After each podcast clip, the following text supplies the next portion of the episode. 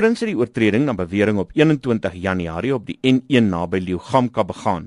Volgens berigte is die verkeersbeampte verhinder om haar pligte uit te voer. Dit het tot 'n meningsverskil gelei en op die beweerde aanranding uitgeloop.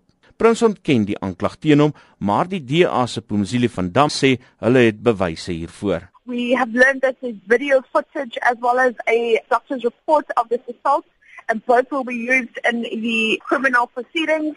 We call on the ANC to immediately suspend Truman Prince pending the conclusion of this criminal investigation. Die DA het verlede week 'n klag van korrupsie teen Prins gelê oor beweerde finansiële onreëlmatighede in die ANC se verkiesingsveldtog.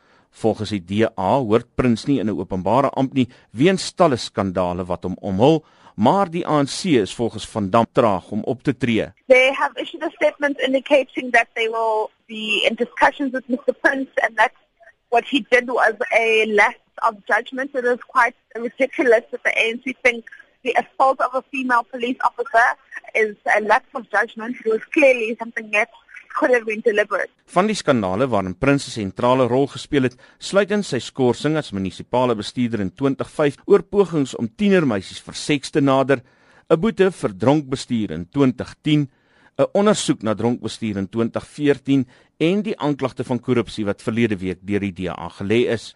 Prins het sy foon telke male doodgedruk toe Spectrum hom om kommentaar wou nader. Die waarnemende munisipale bestuurder Frans Sabat was ook nie beskikbaar vir kommentaar nie. Ek is Isak Du Plessis vir SABC nuus.